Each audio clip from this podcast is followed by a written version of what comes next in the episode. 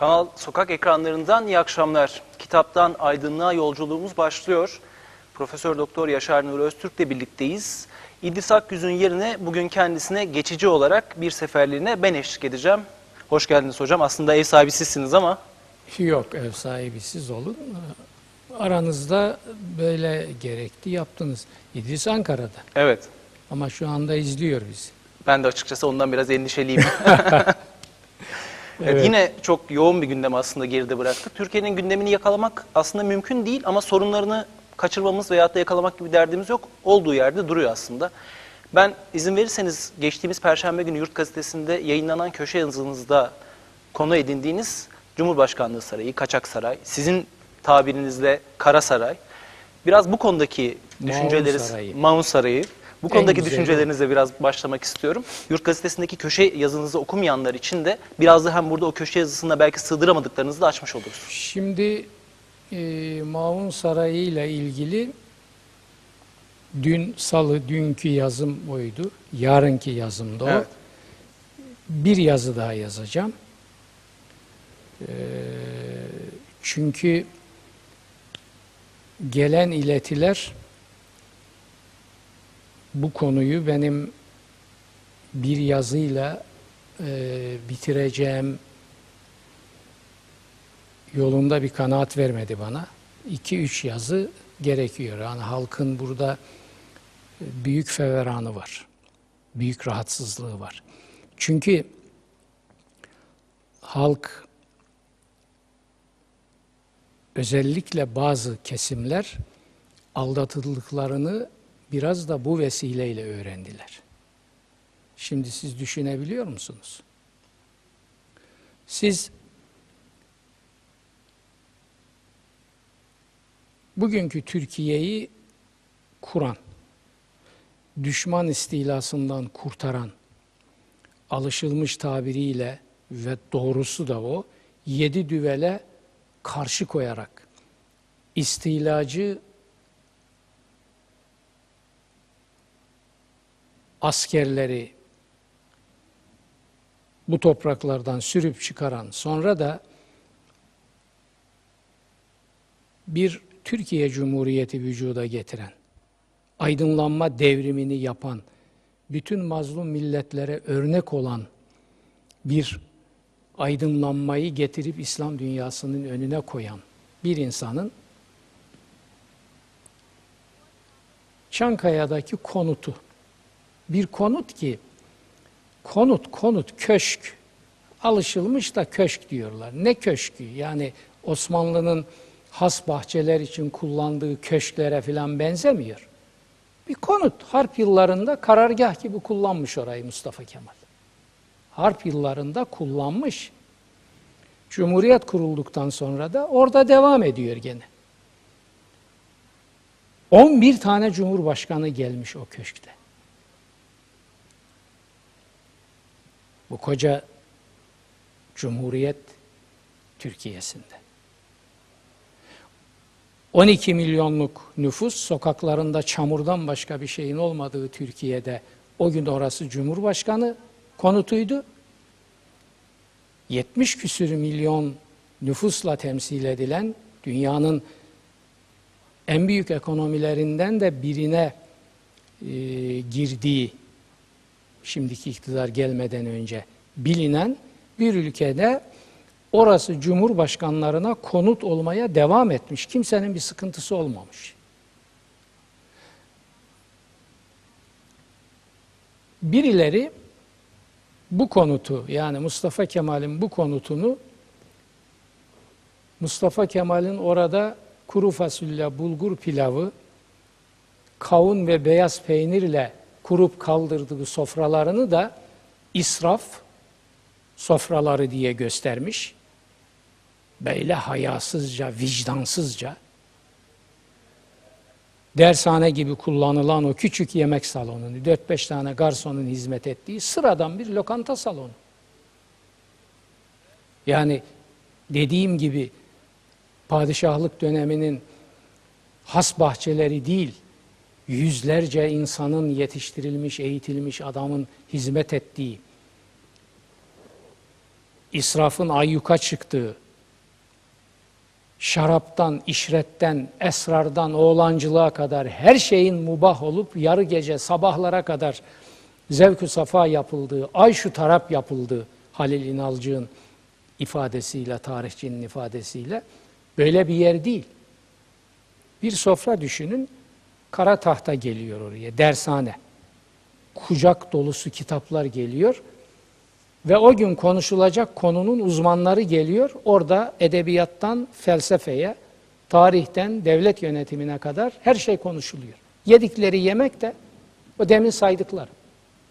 Bunu israf sofraları, rakı sofraları, ayyaş sofraları, milletin parasının çarçur edildiği debdebe, ihtişam sofraları diye gösterme namussuzluğunu ortaya koyacaksın. Sonra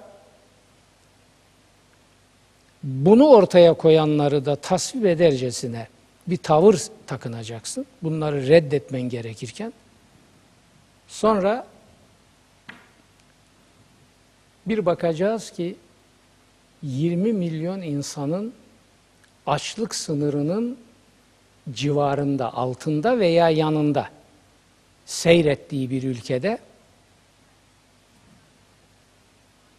siz 5 katrilyon mesabesinde bir rakamı harcayarak bir saray yapacaksınız ve partinizin adını bu saraya vereceksiniz. Ak. Ne akı? Neresi ak bunun? Yarınki yazımda sanıyorum o var. Hak ehli bir hakikat adamı, bir Allah adamı o binanın duvarlarından bir tuğlayı alıp şöyle sıksa o tuğladan mazlumların kanı damlar.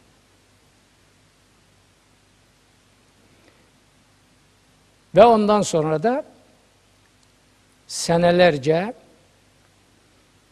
biz kanaat ehliyiz, biz sünnet ehliyiz, biz Hazreti Peygamber ve ashab-ı kiramın hayatını yaşamayı esas alırız, biz israftan kaçarız, devleti biz yönetsek, garip kurabanın karnı doyar, biz de kanaat sofralarında karnımızı doyururuz, edebiyatları yapacaksın. Şimdi bu ne oluyor? Hangi ihtiyacın eseridir bu? Hangi zaruretin sonucudur? Dünyada böyle bir harcama var mı? Dünyada böyle bir harcama var mı? Bir emsali var mı? Bizim durumumuzda borç gırtlağına gelmiş bir ülkede böyle bir harcamanın akli, vicdani, dini, insani bir gerekçesi olabilir mi? Bu bir defa psikolojik olarak bir şuur altı çürümüşlüğünün bir hastalığın belirtisidir. Tam bu noktada araya girebilir miyim? Sayın Cumhurbaşkanı Recep Tayyip Erdoğan bugün kürsüden aslında dikkat çeken bu konuyla ilgili birden fazla ifade kullandı. Biri şuydu. Dedi ki bakın dedi Topkapı Sarayı, bakın Dolmabahçe Sarayı onlardan biri bizim tırnak içinde söylüyorum. Övünebileceğimiz bir eser yoktu. Bizim bu ortaya koyduğumuz eser de tıpkı onlar gibi ha, yüzyıllar boyunca işte. hatırlanacak. İşte şecaat arz ederken merdi kıptı sırkatin söyler demiş atalarımız. İşte buyurun. Buyurun özür kabahatinden beter. Sen kimle kimi mukayese ediyorsun? Koca imparatorluğun o saray dediğimiz mekanları görüyorsunuz onları. Üç kıtada egemenlik kurmuş altı buçuk asır bir imparatorluk. Sen şimdi neyin karşılığı, neyinle ve sen kimsin de bunları yapıyorsun? Bak mukayese ettiği insanlara ve devirlere bakar mısın? İşte özür kabahatından beter bu. Yani felaket. Belki bir yazı daha yazacağım şimdi. O noktada Bu facia bu. Evet. Yani şu faciaya bakar mısınız? Topkapı Sarayı örneği aslında yanlış bir örnek değil mi? Topkapı Yani Sarayı'nı siz daha iyi Osmanlı sultanlarının Fatih'in, Kanuni'nin o Topkapı Sarayı'nda oturan insanların eksiklerini ifadelerinden çıkan sonuca göre değerlendiriyorum. Tırnak içinde haysiyetlerini mi kurtarıyor kendileri? Öyle mi oluyor bu iş? Ona mı düşüyor ve böyle mi kurtulur bu haysiyet? Onlarda eksik olan neydi de o tamamlıyor? Yeri geldi mi onları ilahlaştırıyorlar.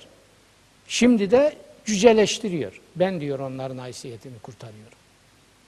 Kimin parasından kurtarıyorsun? Tam bu noktada bir şey sormak istiyorum. Peki sizin elinize gelmiş bir mühür, siz bunu istediğiniz yere basıyorsunuz. Hukuken, maddeten, pragmatik olarak böyle. Peki bunun vicdan dayanağı var mı? Hangi ihtiyaca cevap veriyor bu kardeşim? 2000 oda. Ya hasta mısınız siz Allah peygamber aşkına? Sizin neniz var ya?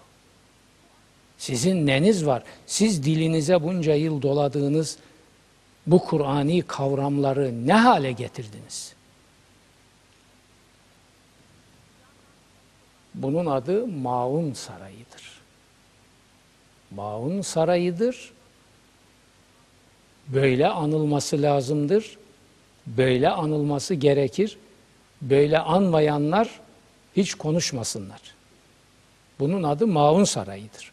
Bunu böyle tarih tescil edecektir. Maun Sarayı'nın ne olduğunu da artık bu millet biliyor.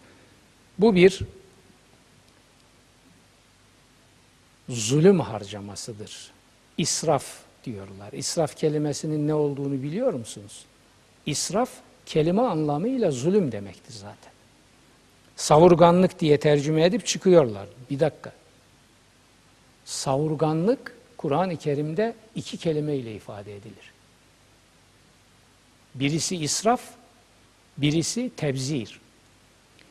Bizim kullandığımız manasıyla savurganlık tebzir manasındadır. Yani senin helal parandan yersiz, lüzumsuz, azmışça harcama yaparsın.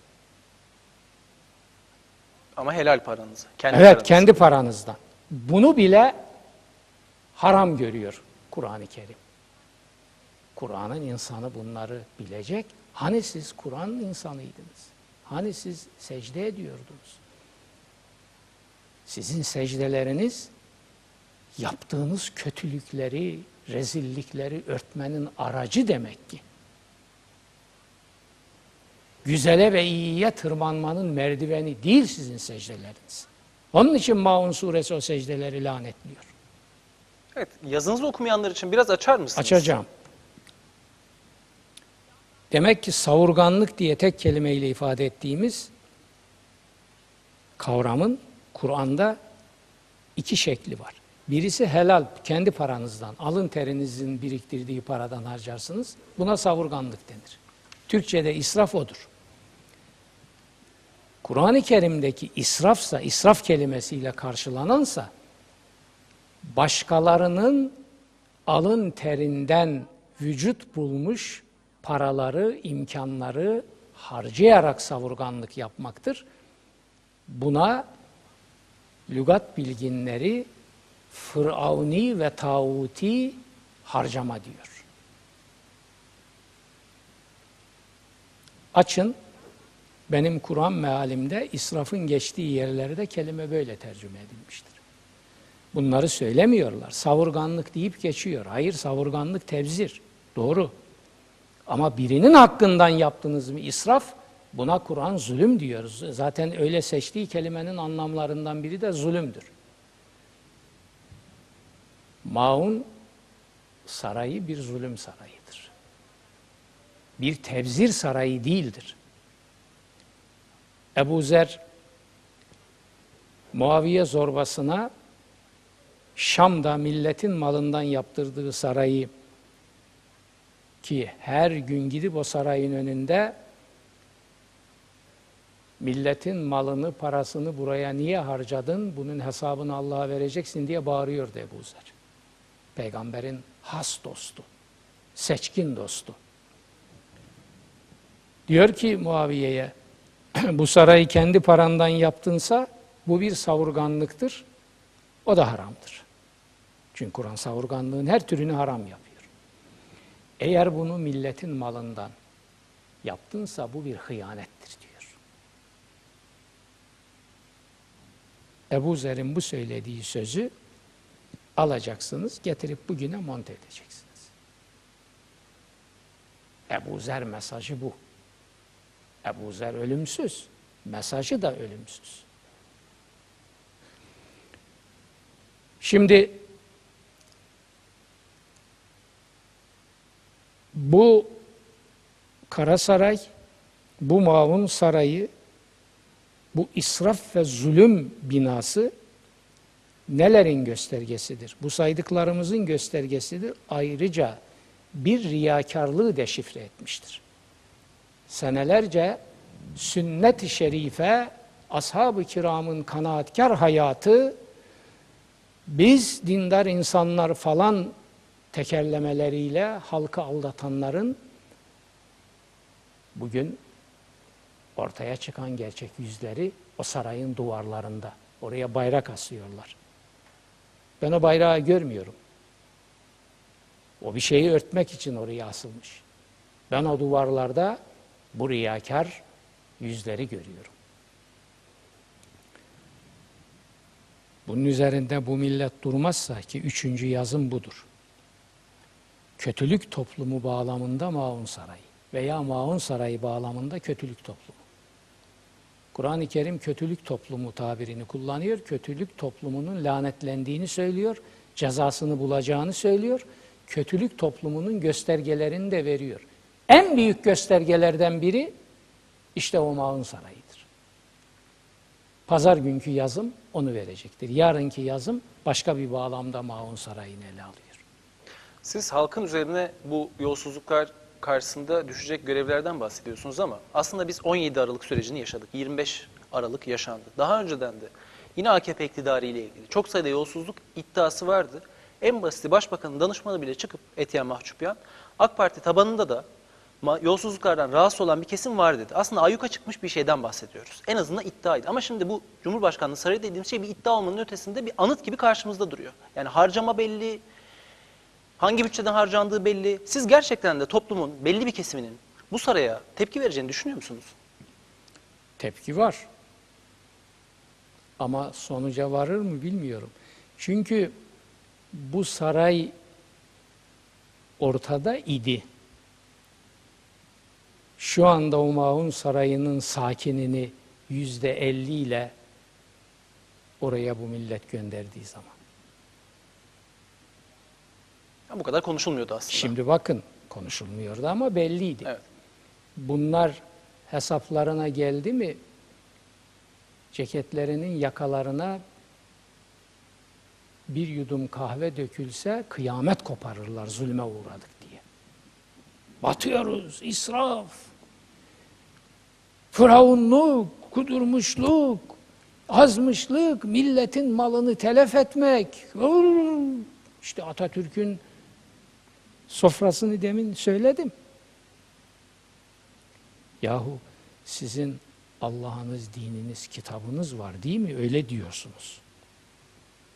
Diyorsunuz da gösterin. Allah'ı, kitabı, dini olan bir vicdan bunu yapar mı? Böyle bir tutarsızlığa imza atar mı? Sizin hakka saygınız yok mu? Söyleyin. Hayır oraya geldi mi? Takdis. O, tamam. Bizden mi? Bitti. Bu millet bu millete bir ceza faturası kesilmedi mi zannediyorsunuz siz? Pazar günkü yazımda o faturayı ve onun Kur'ansal dayanaklarını vereceğim. Milim şaşmaz. Çarpım cetveli şaşar, Kur'an'ın matematiği şaşmaz. Onları vereceğim. Şimdi o fatura kesilmiştir. Bu millet bu israfı görüyordu. O saray konuşuluyor aylardır. Ne yaptılar? Sakinini oraya gönderdiler. Yüzde elli ile birinci turda. Ödüllendirdiler. Orada millete çıkacak bir fatura var. Kozmik planların kestiği bir fatura. Bir fatura daha var. Milleti böyle bir tercihi yapmaya iten, idrak sefaletine mahkum ve maruz kalmış siyasiler. Onların idrak sefaletini de kozmik planlar cezalandırmıştır. Onlar o cezanın ilk tokatını yemişler ama bitmemiştir. Daha devam edecek. Şimdi bakın, ceza amel cinsindendir. Siz zulme payandalık yaparsanız Allah'ın kanunu odur ki sizi o destekçilik yaptığınız zulüm ve zalimin eliyle cezalandırır. Ceza amel cinsindendir. Bu İslam idrak ve irfanında bir ilkedir.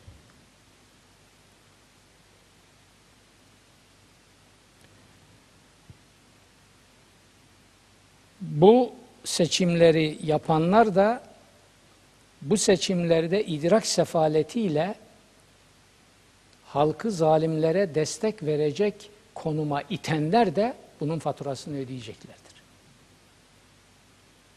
Birisi acıları çekerek, öbürleri de dünyanın önünde rezil kepaze olarak ki oluyorlar. Yıllardır oluyorlar ve bu devam edecektir. Hepsine yazıklar olsun. Hepsi müstehakını bulacaktır. Ama bunların bu faturası kesilmiş. Rahat suresi 11. ayette bu fatura gayet açık ortada. O faturaya kimsenin bir milim itirazı da söz konusu değil. O faturayı yalvarık yap- yakararak da durduramazsınız. Bakın şimdi bu milletin geldiği yer nedir biliyor musunuz? Bu millete Allah katında itibarı olan insanlar artık dua etmiyor. Etmez. Çünkü onlar Cenab-ı Hakk'ın kesinlikle imzaladığı bir faturaya itirazın Cenab-ı Hakk'ı taciz anlamına geldiğini bilirler. Bunu yapmazlar. Bu millete dua da yok artık. O faturaları ödeyecek. Kafasını duvara vuracak. Hem de çivili duvarlara. Vuruyor zaten kaç yıldır. Daha vuracak. Bitmemiş. Bitmediği için idrak sefaleti sergileyen siyasi kadrolar da bu faturadan paylarını alacaklar. Bu sürecek. Şimdi Kara Saray, Maun Sarayı, tamam mı? Bu söylediklerimizin hem göstergesidir, hem belgesidir, hem kanıtıdır. Hem de anıtıdır. Tarih onu böyle kaydedecek. En azından ben tarihe bu, bu notu vereceğim. Ben tarihe bu notu vereceğim. Kur'an vicdanı bana onu veriyor. Ben de bir Kur'an mümini olarak, bir Kur'an bendesi olarak bunu tarihe ve insanlığın önüne koyacağım. Dünya Yolsuzluk Endeksi açıklandı bugün. Ülkeler sıralaması. Türkiye 10 küsür basamak. Şimdi tam net sayıyı vermeyeyim çünkü ezberimde kalmamış. 10 küsür basamak daha kötüye gitmiş. Putin'in Rusya'sından bile hızlı bir ilerleme mi denir, düşüş mü denir göstermişiz. Kurban olmuş Putin'in Rusya'sına. Şimdi Pu- Putin gibi bir devlet adamı KDV'si kadar var mı bizde? Putin büyük devlet adam. Putin'le ilgili ben iki yazı yazdım kaç sene önce. Ne için yazdım biliyor musun? Ben Rusça bilmem. Rusya ile bir ilgim olmaz, olmamıştır.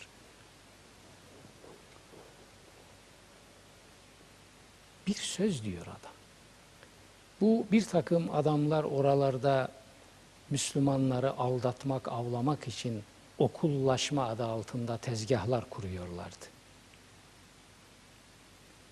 Putin bunları oradan bir frengi mikrobu gibi adeta temizlemeye kalkınca gayet radikal tedbirlerle böyle saat vererek ülkeyi terk edeceksiniz yoksa canınızı yakarım bu şekilde. Bunlar işte din, iman, e, inançlara saygı bilmem ne. Ne din imanı diyor Putin. Siz hangi imandan bahsediyorsunuz? Sizin imanınız hangi iman? Ben İslam dendiği zaman Kur'an'ı anlarım diyor. Sizinki ona uymuyor. Bunun üzerine iki yazı yazdım. Putin'in idraki ve vicdanı Kur'an'ın istediği şu söylemi insanlığın önüne koyuyor. Bizdeki maun mücrimleri, hırsızları, talancıları, melunları Allah ile aldattıkları halkın önünde bir cümle olsun böyle bir idrak ifadesi kullanamıyorlar. Onun için Putin bile, bile tabirini geri alın. Peki şuradan o zaman devam edelim. Evet. Şimdi yolsuzluklarla ilgili dediğim gibi aslında herkesin belli bir fikri var. Bunların süre geldiğinin farkında. Ama siz de defalarca karşılaşmışsınızdır, duymuşsunuzdur. Hep söylenen bir ifade bu. Yiyorlar ama çalışıyorlar. Evet siz zamanında aktif siyasette de bulunmuş bir isimsiniz. Hem o anlamda siyasetçi kimliğiniz de var. Ama aynı zamanda bir din adamı olarak. Din Bir adamı vatan- tabirini kullanma. Bizim dinimizde din adamı diye bir tip, Yoktur. din adamlığı diye bir meslek İlahiyat yoktur. profesörü diyebilir Bu miyim? şeytani bir tabirdi. Ha, din ilimleri uzmanı, din ilimleri alemi bunları kullanırsınız. Bunların yeri var. Din adamı tabiri yok. Tamam not ediyorum. O tamamen Sempol Kilisesi'nin bir mahsulüdür ve şeytani bir tabirdir. Şunu sorayım o zaman. Evet. Yiyorlar ama çalışıyorlar dedikleri bir iktidara Müslüman olmasına gerek yok. İnanan Çalışıyor- olmasına gerek yok. Çalışıyorlar evet. Oy veren Evet. İnsanlar için de söyleyebilirsiniz. Bu sadece bu iktidar için de değil. Sadece bu iktidar bugüne kadar sanki tek yolsuzluğu yapan buymuş gibi de değil. Bu ifade bize aslında çok daha önceden kalan bir şey. Yiyorlar ama çalışıyorlar. Siz ne diyorsunuz? Ben bunu söyleyen bir kitlenin belasını bulduğu kanaatindeyim. Veya bulacağını kesinleştiği kanaatindeyim ki zaten sonuçta odur. Bakar mısınız? Yiyorlar ama çalışıyorlar.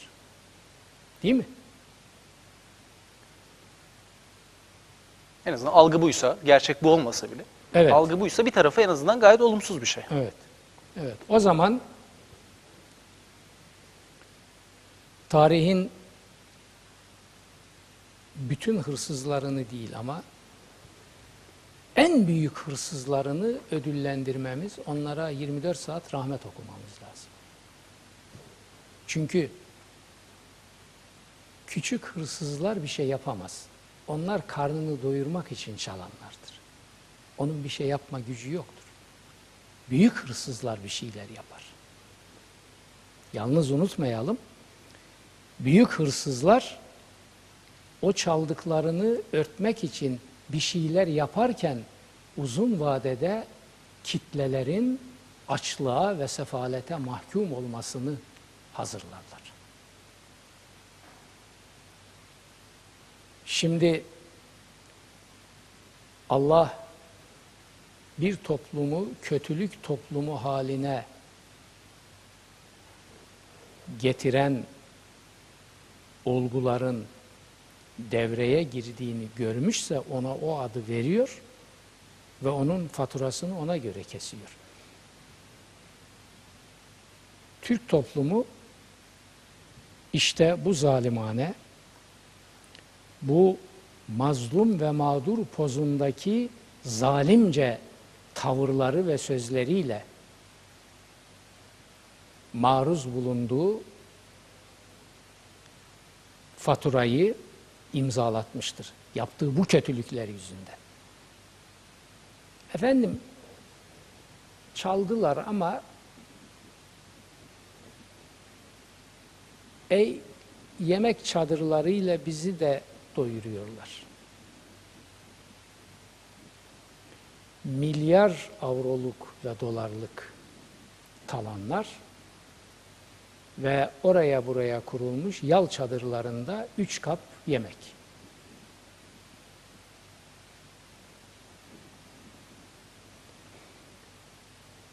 Raiyelikten yani sürülükten gelen raiye Kur'ansal bir tabirdir ve Kur'an diyor ki halklara sakın raiye olup kimseyi başınıza rai, çoban yapmayın. Çoban tabiri, halkın başına çoban tabiri kilise menşelidir. Sempol teolojisinde bu var. Oradan bize aktarılmıştır. Padişahlara çoban deniyor. Rai. Halka da raiye deniyor. Raiye çobanın güdümündeki sürü demektir. Rai de raiye sürüyü yani güden çoban demektir. Ve Kur'an ne diyor? Bakara 104. ayette Ey iman edenler!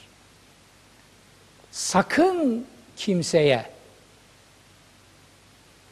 mefulü gösterilmemiş. Hiç kimseye raina demeyin. Bize çobanlık et demeyin. Bu padişah olsun, şeyh olsun, ağa olsun, bey olsun, ağaları ve beyleri saadet ve küberayı da lanetliyor Kur'an. Hangisi olursa olsun hiçbirine raina demeyin. Bizi güt demeyin. Bakın kardeşim. Kur'an bu. Peygambere bile raina demeyin diyor. O da sizin çobanınız değildir. Paulus Yahudi dönmesi Paulus Hazreti İsa'nın tevhidini şirke bulaştırırken İsa'ya da bu sözü söyletti. İsa güya ben sizin çobanınızım demiş. Eğer İsa ben sizin çobanınızım deseydi Allah İsa'yı gönderen Allah Muhammed'i de gönderdiği için Muhammed'e çoban ünvanını verirdi. Halbuki Kur'an diyor ki bizlere Peygamberiniz Muhammed'e bile raina demeyin. Ona da bize çobanlık et demeyin. Unzurna deyin. Bizimle ilgilen, bize bak. Tabi bakıyor, mesajı veriyor size. La tekulu ra'ina, kulu unzurna. Kur'an bu işte. Şimdi 650 yıllık Osmanlı saltanatında padişahın ünvanı ne? Rai. Halkın ünvanı ne? Halkın hukuki adı ne? Hukuki adı bakın edebiyatta filan şiirlerde geçmiyor. Maytap yapmıyoruz. Halkın hukuki adı sistemde raiyedir. Raiye hayvan sürüsü demektir.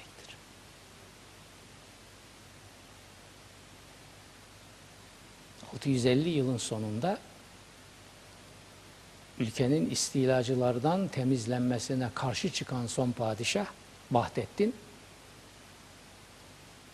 kendisine memleketin durumunu arz etmeye giden içinde generallerin, büyük ilim adamlarının, büyük gönül adamlarının olduğu heyete kesin uzatmayın.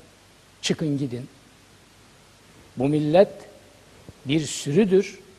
Ona bir çoban lazım. O çoban da benim diyor. Talihsizliğe bakar mısınız? Vahdettin hain miydi değil. Ne yapacağım ben hainliğini ya? Ona hain demek bana keyif vermez ki. Şu yaptığına bak. Şuna bak. Rauf Orba'ya, Ab Abdülmecit Tolon gibi adama diyor ki Konyalı Vehbi Efendi gibi müfessir, alim bir adama Bunlar hem milli mücadelenin öncüleri, hem ilmiyenin öncüleri, hem devlet yönetiminin öncüsü, hem or ordunun, Osmanlı ordusunun öncü insanlar.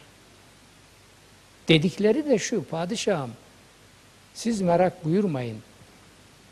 Sarayın penceresinden dolma bahçenin Boğaz'daki istilacı gemilere bakarak meyus olmayın, ümitsiz olmayın, millet ayağa kalkmıştır, sizi kurtaracaktır. Dedikleri için siz ne diyorsunuz diyor ya.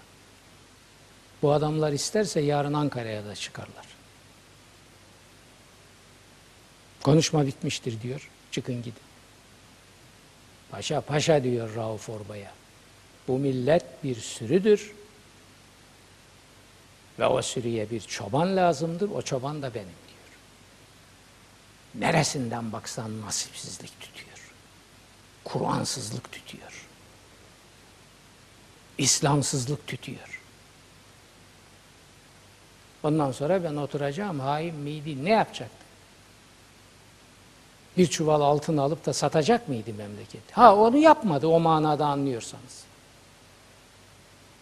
Ama şu yaptığı nedir?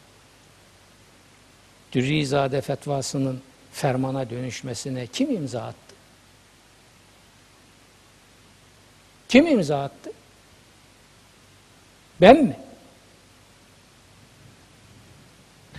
Saray tartışması aslında daha devam edecek onu biliyoruz. Ortada sizin de dediğiniz gibi ama 2 ama 5 bizim hiçbir zaman kolay kolay karşımıza çıkmayacak rakamlardan bahsediyoruz ama izin verirseniz ben bir konuyu daha açmak istiyorum burada. Efendim rakam odur budur. O, o bizi ilgilendirmez. Onu işin teknik uzmanları düşünsün. Evet. 2000 odalı bir bina değil mi bu? İhtiyaç var mı yok mu? Bitti. Sizin itiraz noktanız bu zaten. de. İhtiyaç Hayır varsa efendim. o zaten Hayır. Hiçbir ülkede böyle bir ihtiyaç olamaz. Evet. Yani başlıca itiraz noktası Bakın, bu zaten. hiçbir ülkede böyle bir ihtiyaç olamaz.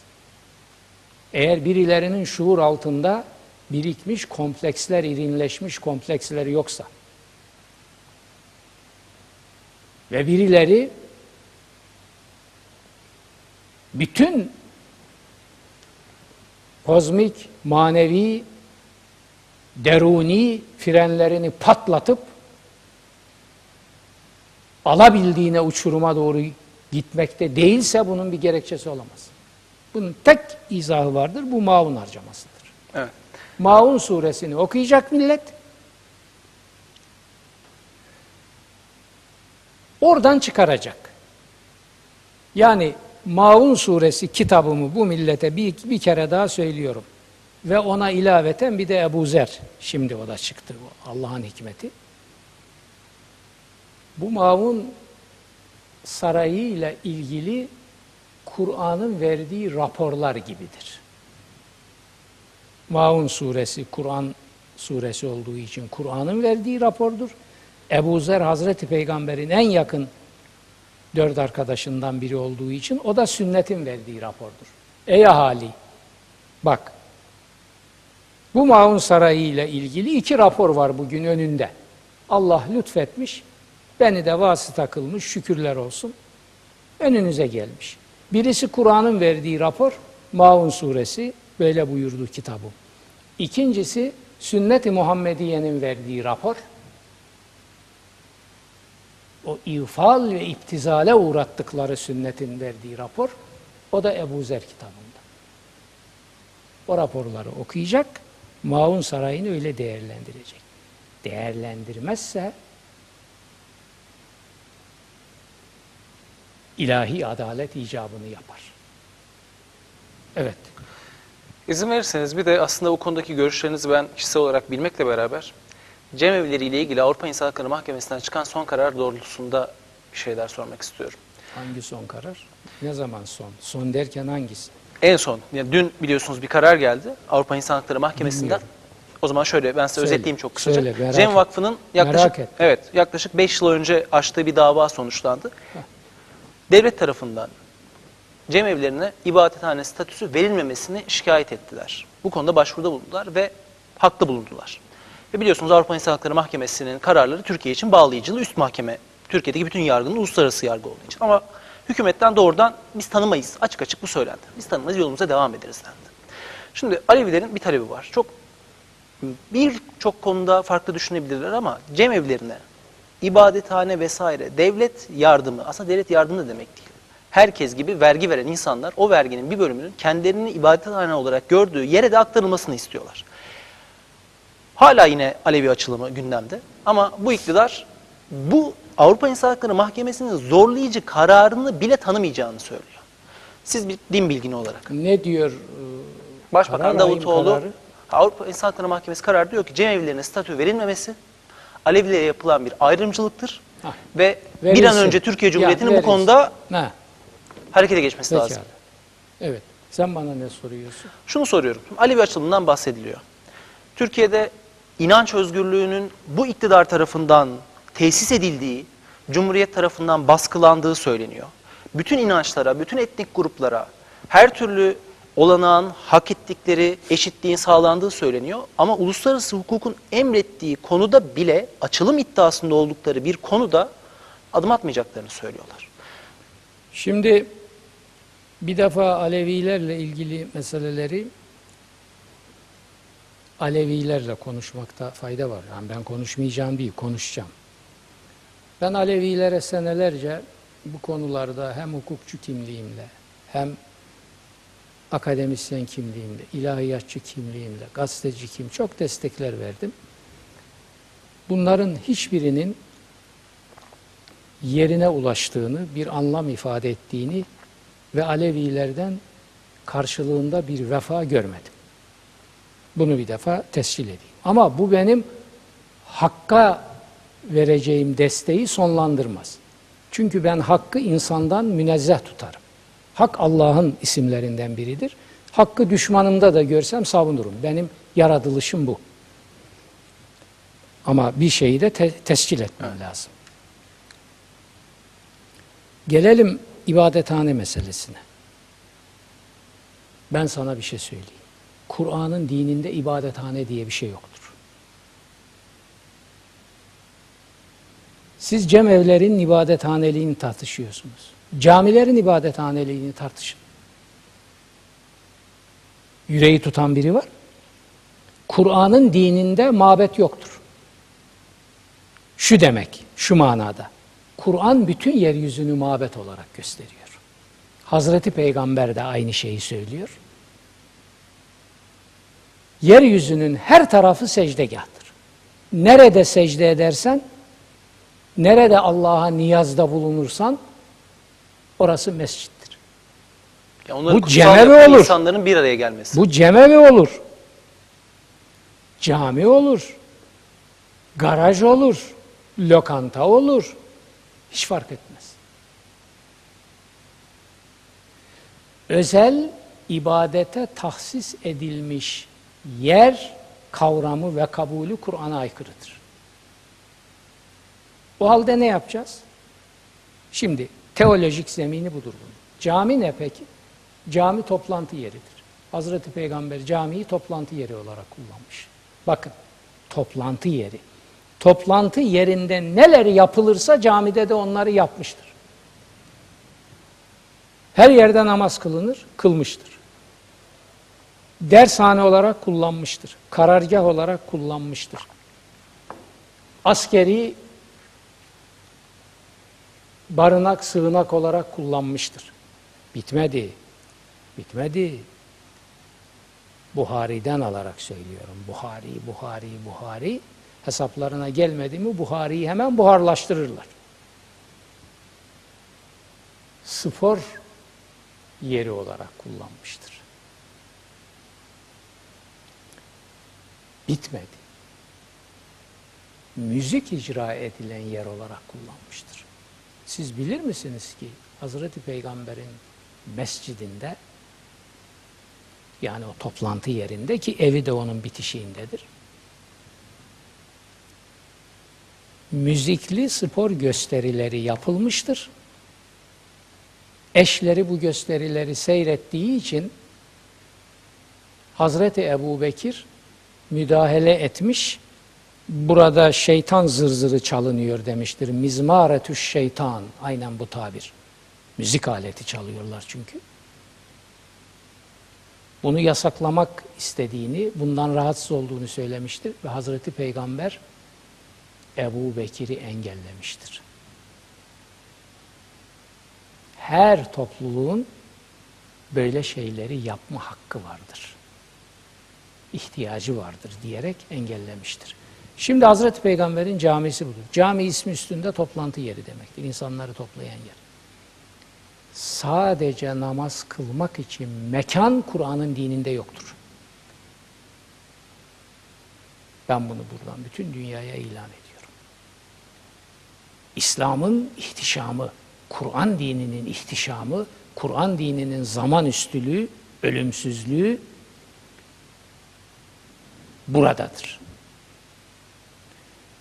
O halde birileri kendi niyazını,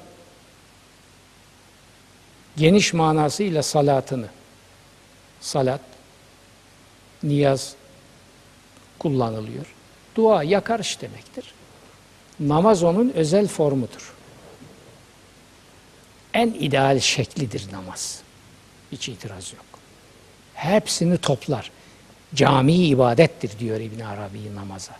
Bütün niyaz şekillerini toplar.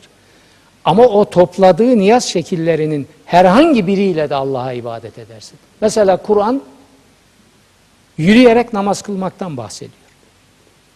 Sarıklı zorbalar bunu saklarlar millette. Binek üstünde namazdan bahsediyor. Onu saklamazlar çünkü kendileri de kullanıyor. Yürüyerek namazdan bahsediyor. Fe in khiftum fericalen ev rukbane. Yürüyerek veya binek üstünde. Ricalen yürüyerek. Nasıl kılacaksın yürüyerek namaz? Yürüyerek namazın secdesi olur mu? Rükû olur mu?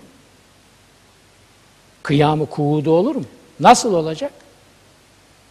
Fıkıhta cevabı var. Allah'a zihninle, kalbinle tazarruda bulunacaksın. Yani namaz bakın bunu da ihtiva eder. Ama en ideal şekli evet. O bildiğimiz formu içindeki şeklidir.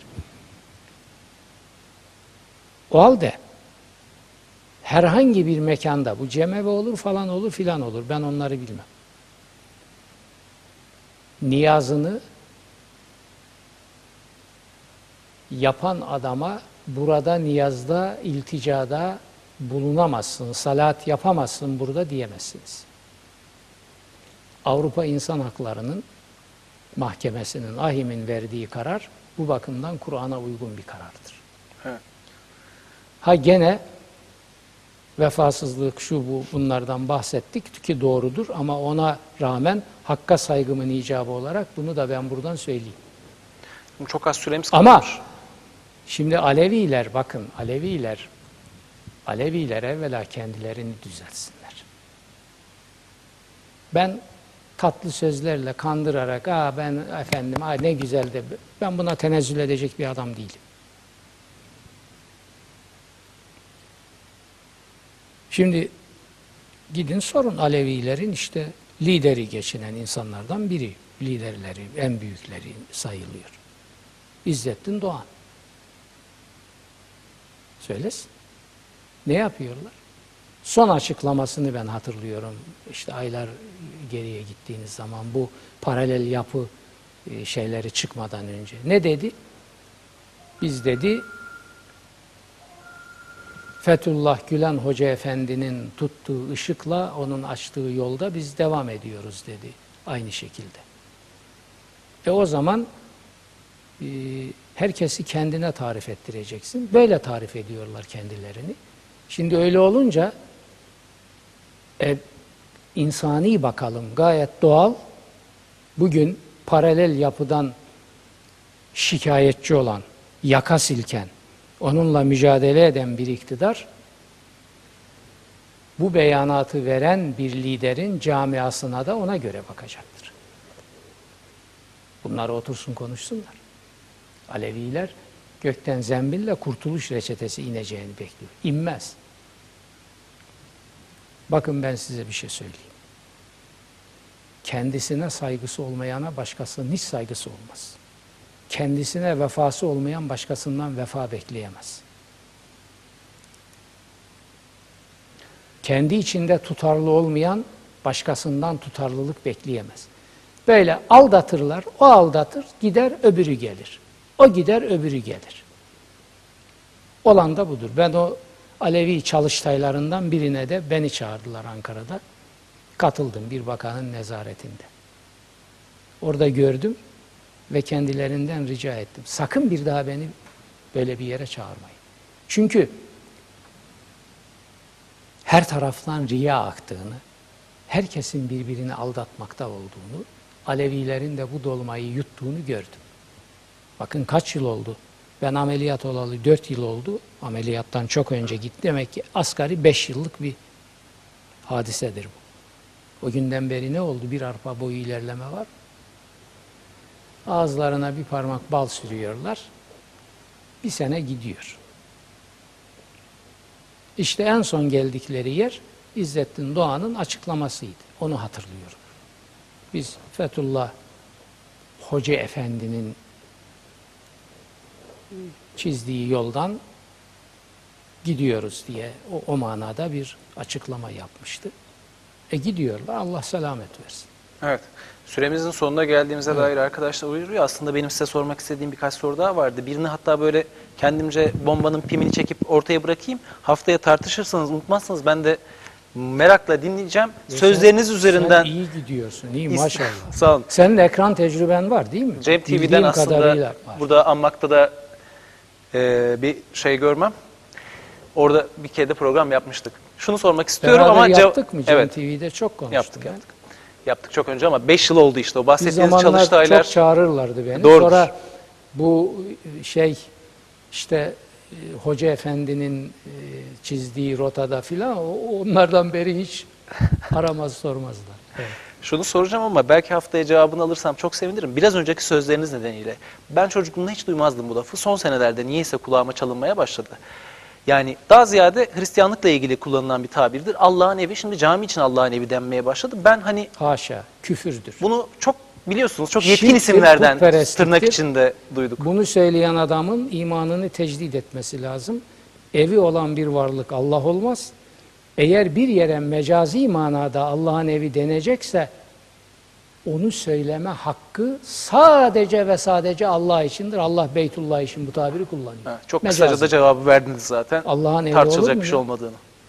bütün deniz fenerinden 17 Aralık talanlarına kadar bütün hırsızlıkların, talanların, soygunların kotarıldığı, kotardıkları bir yere Allah'ın evi demek. Bu ne hayasızlıktır. Bu ne din dışılıktır. Bu ne Kur'an dışılıktır. Allah'a sığınırım. Bitirdik hocam. Son çok bir şey teşekkür ederim. söyleyeyim. Buyurun. Hepsini oradan özet alsın millet. Allah layık olana layık olduğunu, müstahak olana da müstahak olduğunu verir. Bunu kimse unutmaz. Sözlerinizi bitirelim o zaman. Bitti. Kitaptan Aydınlığa bu akşam bu kadar. Haftaya İdris Akgüz ve Bunun Yaşar Nur tekrarını biliyor musun? Ne zaman? Şimdi bana millet gene başlayacak sormaya. Yine bu akşam. bu akşam kaçta? Ee, arkadaşlara soralım. Kaçta Geçen arkadaşlar? 12'deydi. Bir de yarın 12'deydi. 10'da vardı. Evet. Yarın 10'da da var mı? Ee, onu şu anda cevabını alalım ama gece yarısı Yani kaçıran arkadaşlar. defa veriyor da Tabii tabii tabii. Onu zaten bizi takip ederlerse biz de hem internet ortamında hem ekranlarımızdan vereceğiz ama kaçıranlar şu anda en azından yakalayanlar gece yarısı baştan izleyebilirler. Tamam. Onu da söylemiş olalım. Peki. Evet bu akşamlık bu kadar. Hepinize iyi akşamlar.